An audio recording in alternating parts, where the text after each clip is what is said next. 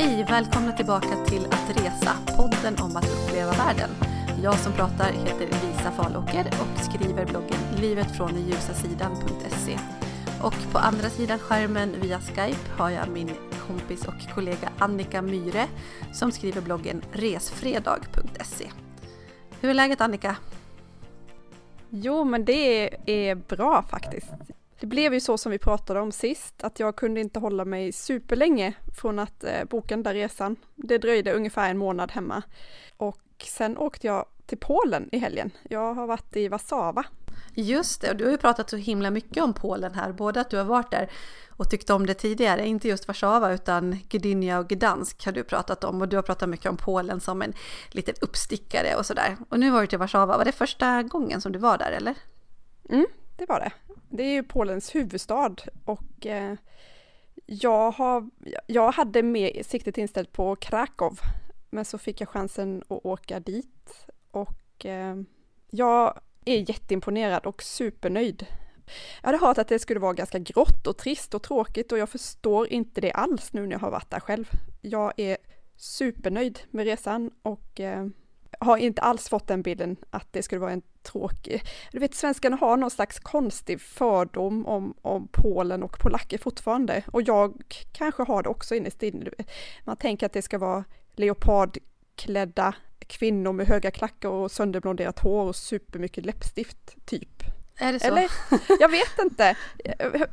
Jag vet att du inte alls speciellt jättesugen på Polen. Nej, jag har inte varit det. Jag vet att jättemånga pratar om det och som en riktig uppstickare och att det ska vara bra. Men jag tror att jag fortfarande har lite den här gråa känslan. Och sen har jag varit i Polen en gång eh, på norra kusten. Det här var, det var riktigt många år sedan nu, alltså du vet 10-12 år sedan kanske.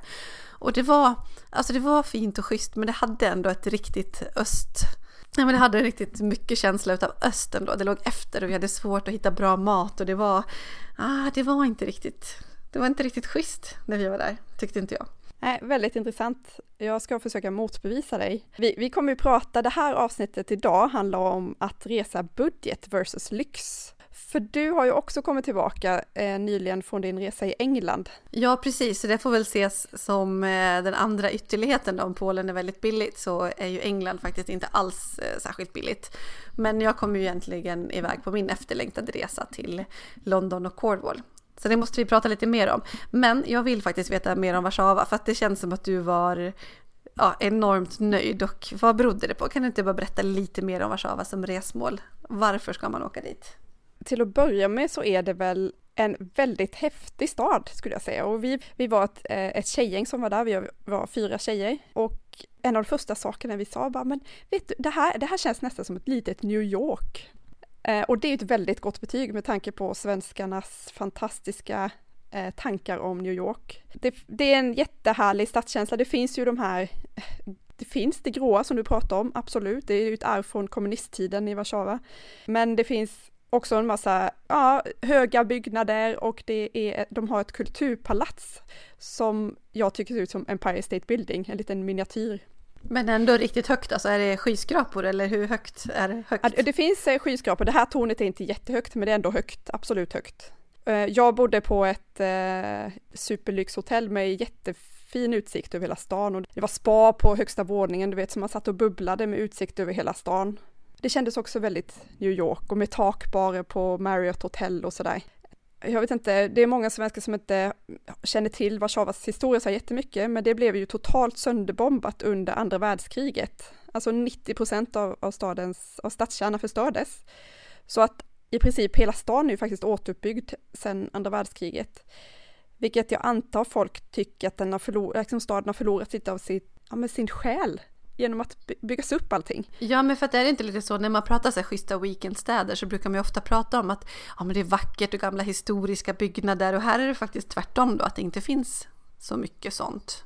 Nej, men å andra sidan så har alltså de byggnader som finns är ju återuppbyggda precis enligt Ja, precis som det var innan. Ja, ja, okej, okay, då har man gjort det i exakt samma stil då. Det har inte blivit att det har blivit en helt annan arkitektur eller så.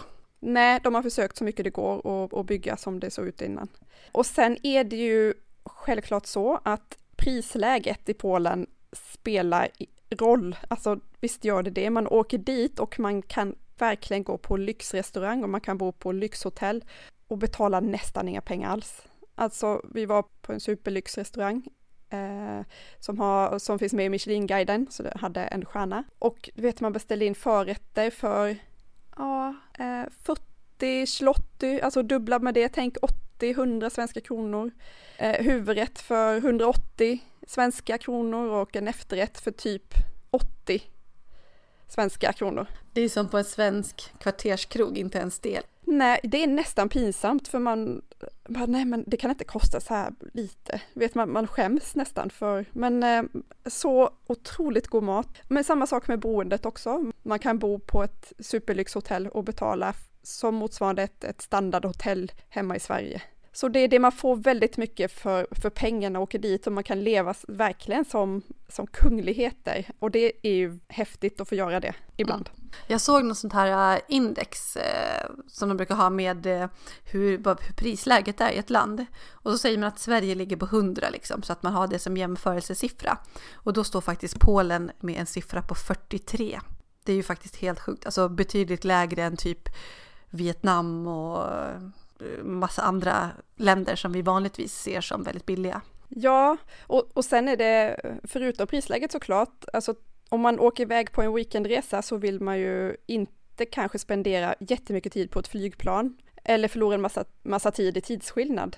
Alltså drar man till New York får man ju sitta på planet där och harva och man kan också bli lite snurrig av eh, tidsomställningen. Men du vet, du kommer till Warszawa på en och en halv timme och det är ingen tidsomställning. Du kan bara ut på stan direkt och eh, göra stan helt enkelt. Intressant. Så, ja, jag tycker det finns, jag tycker alla ska åka till Polen. Ja, för jag tänkte precis fråga dig, vilka ska åka till Polen? Är det för alla eller varför eller varför inte? Men då var det ett enkelt svar på det verkar det som. Ja, eh, alltså jag, jag gillar ju att åka på tjejweekends och som, som tjejweekend-resmål så är det helt perfekt. Vi träffade på massor med svenska ja, många tjejgäng från Sverige som har, verkar ha fattat det här, att eh, det är ett bra weekendresmål. Jag skulle lätt kunna ta med min man också om han hade gillat eh, städa lite mer. Jag tror att det är jättehärligt att gå runt och bara promenera som, som par också. Grymt, ja men det låter som ett bra budgetalternativ då. Hade vi med det, när vi pratade weekendstäder och weekendresor, hade vi med just Warszawa då? Nej, då var jag inne på Krakow, så jag tänkte inte ens på Warszawa. Nej, just det. Kommer du åka tillbaka och kommer du åka till Warszawa igen eller kommer du åka till Krakow nästa gång då eller? Jag kommer åka tillbaka till Warszawa, absolut. Men jag kommer åka till Krakow innan jag åker tillbaka. Det blir planen. Mm.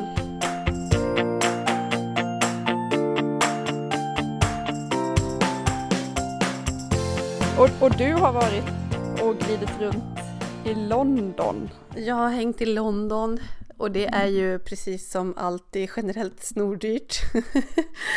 Framförallt hotell, där betalar man eh, mer pengar och får sämre standard, måste jag ju säga.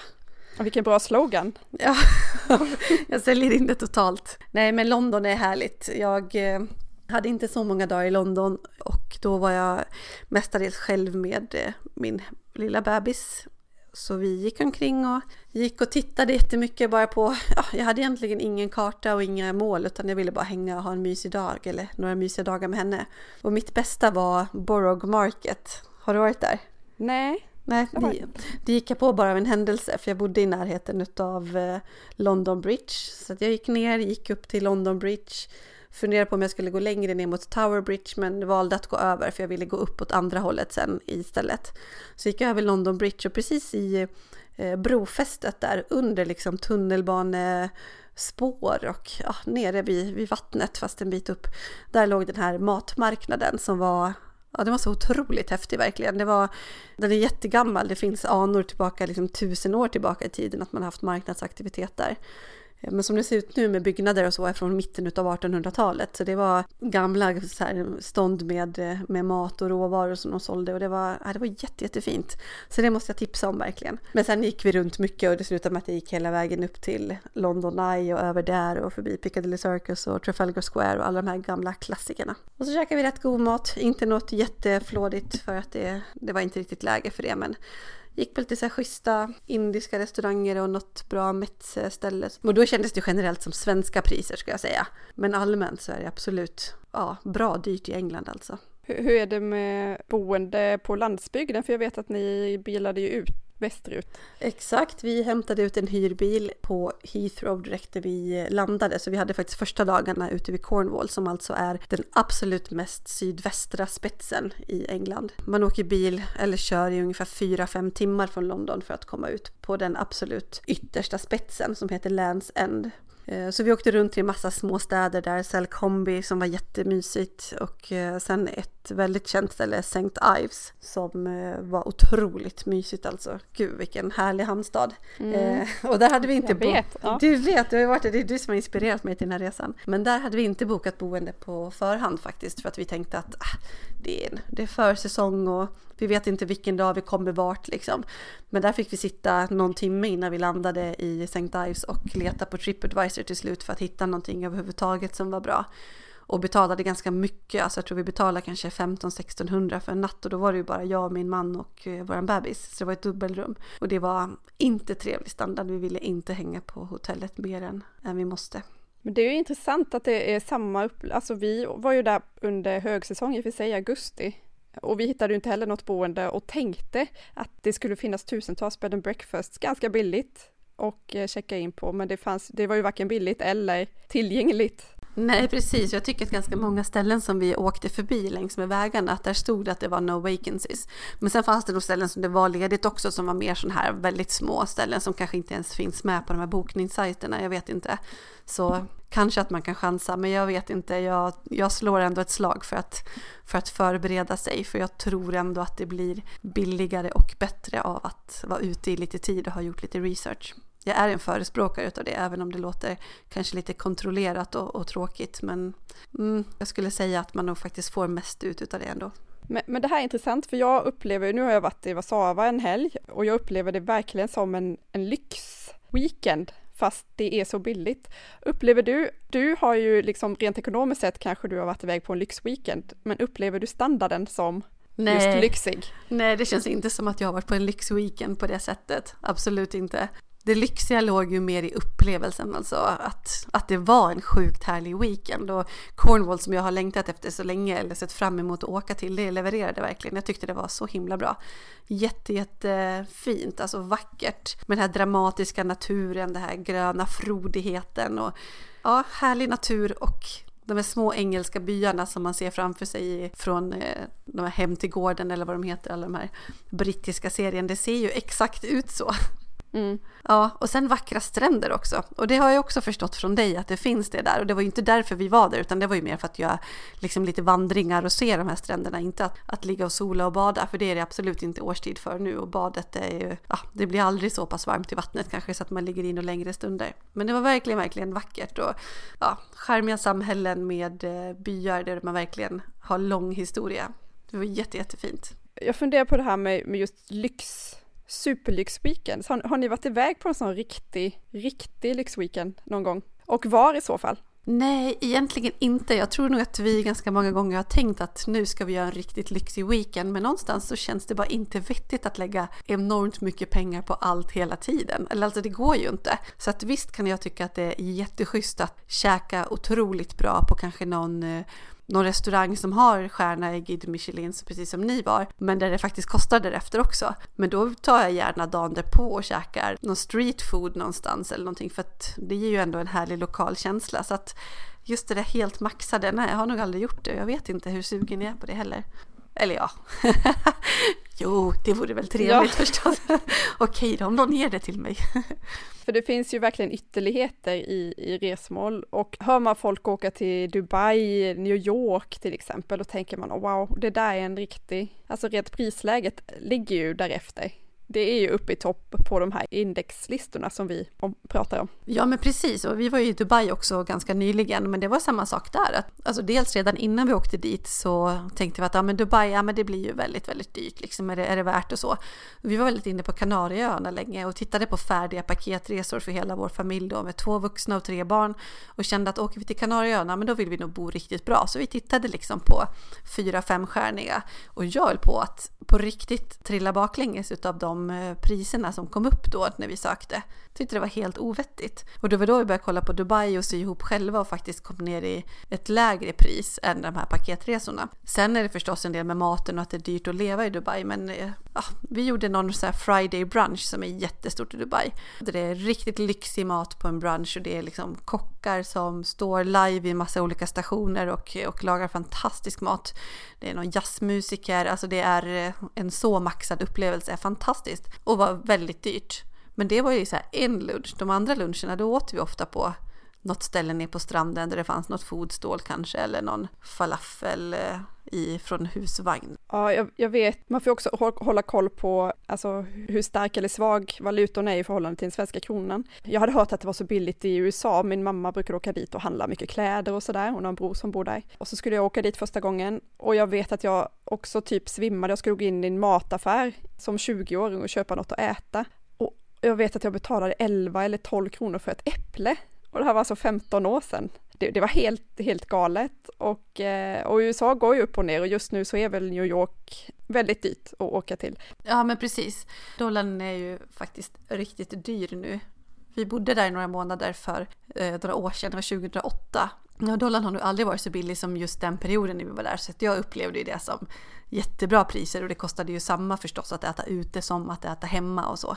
Men eh, absolut att de, många av de här städerna och Tokyo också om man pratar i samma liga är ju såklart dyra ställen att åka till. Vi var på bröllop i Schweiz och tänkte ta en liten weekend där också i samband med det. Och det var ju också att man, att man får en chock när man kommer in till en vanlig restaurang och ska beställa mat eller, eller boka hotell. Schweiz ligger också väldigt, väldigt högt upp på alla listor för, för dyra länder och dyra städer. Men hur gjorde ni då? Vi var där på bröllop och vi kände, vi hade inga barn med oss för första gången på jättelänge så vi, vi öste på den helgen. Vi gjorde det vi ville och åt fint och bodde jättefint och tog smällen när vi kom hem sen och, och åt nudlar istället. Ja men man får ju helt enkelt bara bestämma sig tänker jag innan att hur mycket är det vettigt nu liksom och hur mycket kan vi och vill kosta på den här gången och så har man bestämt sig för att köra på men då ska man njuta av det och inte sitta och oja sig över det och tycker man att det får inte dra iväg för mycket, men då får man försöka de här, hitta de här ställena man kan skruva på hur man faktiskt kan leva lite billigare även i en, på ett dyrare ställe. Det beror ju också på vilka man åker med, alltså vilka, vilka man har i sällskapet. Jag har ju varit van och äta så extremt billigt under mina resor och bo väldigt, väldigt enkelt. Alltså jag har verkligen levt på typ yoghurt och baguette och vatten och banan under mina resor. Och så träffade jag min man och han bara, va, men åker man på semester ska man ju njuta. Ska inte sitta och så här späka dig ett jättehärligt land och käka baguette hela dagarna. Nej, nu, nu, nu går vi ut på restaurang liksom. Och, och då tänkte, i början, han bara, men vi, vi ska göra allt och vi ska, vi ska äta på de fina ställena och vi ska liksom, och jag tror att på, eller ja, vi har mött, mötts ungefär på halva vägen, så nu, nu gör vi någon slags mellanvariant helt enkelt. Men tycker du att det är helt motsägelsefullt med just det här äh, att leva asketiskt på ett fantastiskt ställe? Blir det en mindre upplevelse för dig då? Nej, jag tycker ju inte det. Men jag har förstått den där lilla, att det kan bli någonting lite extra och verkligen beställa in den där maten som man, alltså en gång eller två gånger, inte varenda dag, men verkligen ha kanske en dag som man tänker, men nu, nu köper vi glass på den fina glassbaren till alla. Och nästa dag så går man kanske till Lidl och köper så här Lidl-pinnar till barnen. Att man hittar en skön mix helt enkelt. Ja, men det är lite som balans, precis som det är hemma också. Jag menar, för jag skriver ju i min blogg lite grann om, om lite med guldkant och schysst mat och sådär. Det innebär ju inte att varje dag ser ut sådär. Alltså, det skulle ju inte vara kul om, om varenda dag var rakt igenom stort fokus på mat och allting skulle vara så, utan att det är ju för att man blandar med annat så man både har möjlighet att göra det och njuter av det också skulle jag säga.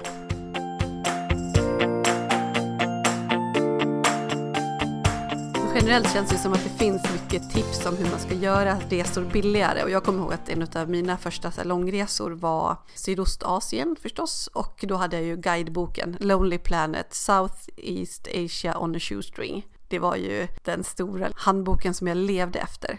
Hade du samma när du var på din resa? Eh, ja, jag åkte på min första sån fet resa utan en enda Lonely Planet är det sant? Hur fick Ja. du information? Det fanns väl inte ens så mycket att läsa på internet på den tiden, eller? Nej, det, jag vet inte, men jag klarade mig utan faktiskt. Ja. Jag, jag tankade väl av andra längs vägen som hade Lonely Planet. Jag kanske helt enkelt var för snål för att köpa en egen. Ja, precis, var ännu värre. Men allting i den gick i alla fall ut på att man skulle göra det på ett väldigt billigt sätt och så, så, så ser ju många tips ut. Hur gör jag för att få ut mycket av det här? Men jag tänkte att vi kanske skulle prata lite grann om sätt att göra Eh, resmål eller resor till lite billigare. Utan att gå in i det på djupet, men bara för att toucha vid det nu när vi varit inne på det. Har du några tips?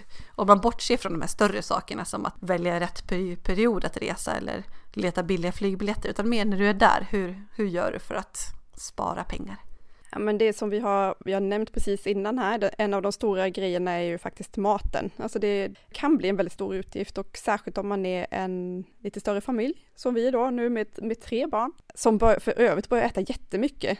Åttaåringen, man bara nej, va? Han äter ju lika mycket som oss.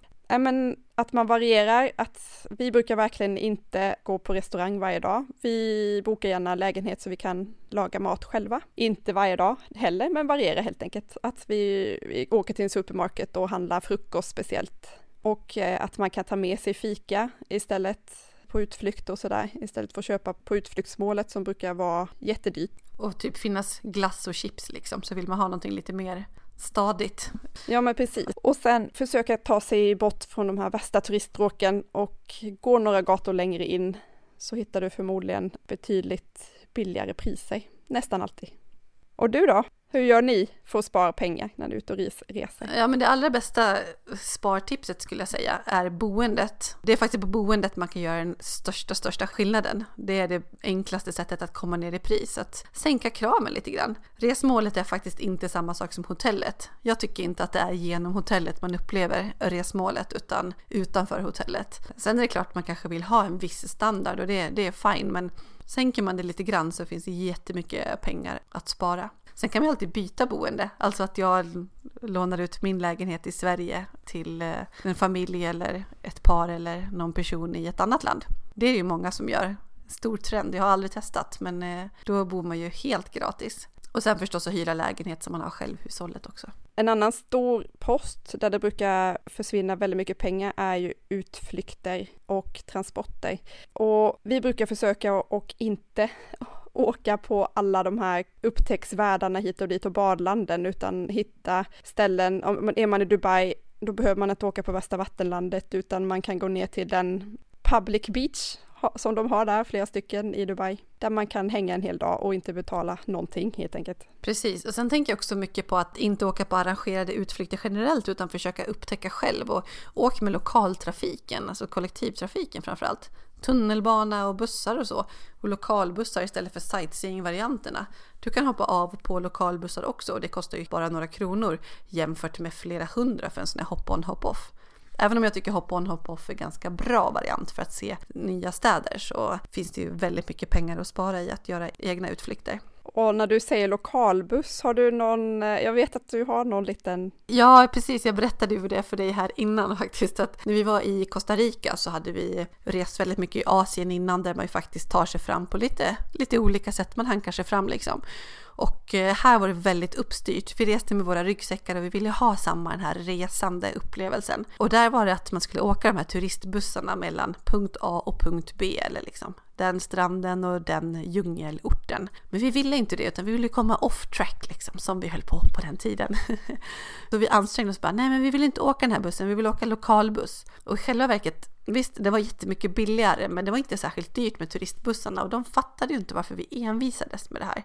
Och sen slutade det med att vi fick tag i den här lokalbussen och det tog ju alltså du vet, sju timmar istället för en och det var supertrångt, vilket jag kan tycka att det är en härlig upplevelse också, men det var inte särskilt mycket i den där lokalbussen som var härligt mer än att, mer än att vi fick försöka komma off the beaten track. Och så kom vi fram till samma ställe som alla andra som hade varit på samma ort som oss innan, bara att de hade varit där i fem timmar redan och njutit av stranden. Ja, och du har ju gjort något liknande många gånger också antar jag. ja men just när du säger lokalbuss så får jag värsta, flashbacken och det är ingen positiv sån. Och jag har haft en av mina värsta upplevelser faktiskt eh, på resande fot i just en lokalbuss och det var när vi var i, eh, i Marocko, jag och en tjejkompis och vi tänkte precis som, som du säger, man ska vara lite speciell och, och fick eh, smälta in i lokalbefolkningen och åka lite sådär off the beaten track och betala mycket mindre pengar tänkte vi. Så vi satte oss på en buss och eh, skulle åka mellan Marrakesh och Agadir tror jag.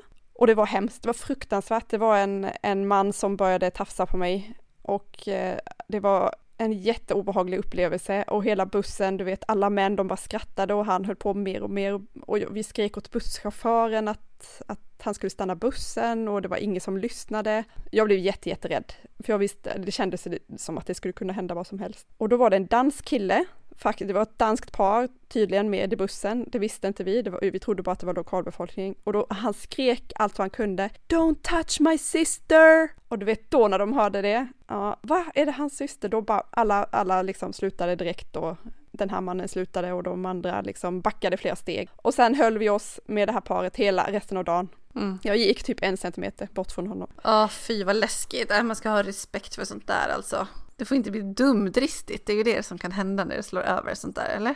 Ja, och det är det jag menar här, att, vår, att vi motsäger nästan varandra här, men åk lokalbuss, men snälla, tänk lite också. Alltså ja. man får hitta en bra, en bra mix helt enkelt. Ja, men vad är värt liksom och till vilket pris och till vilket syfte? Ah, man får tänka efter lite på det där helt enkelt. Men lokaltrafik generellt är ju oftast bra. Absolut. Ja, men sen generellt är det faktiskt precis som hemma de små utgifterna som gör som gör stor skillnad tänker jag med övriga utgifter generellt. Så man får väl bestämma sig om man vill lyxa till det eller leva ekonomiskt smart när man är borta.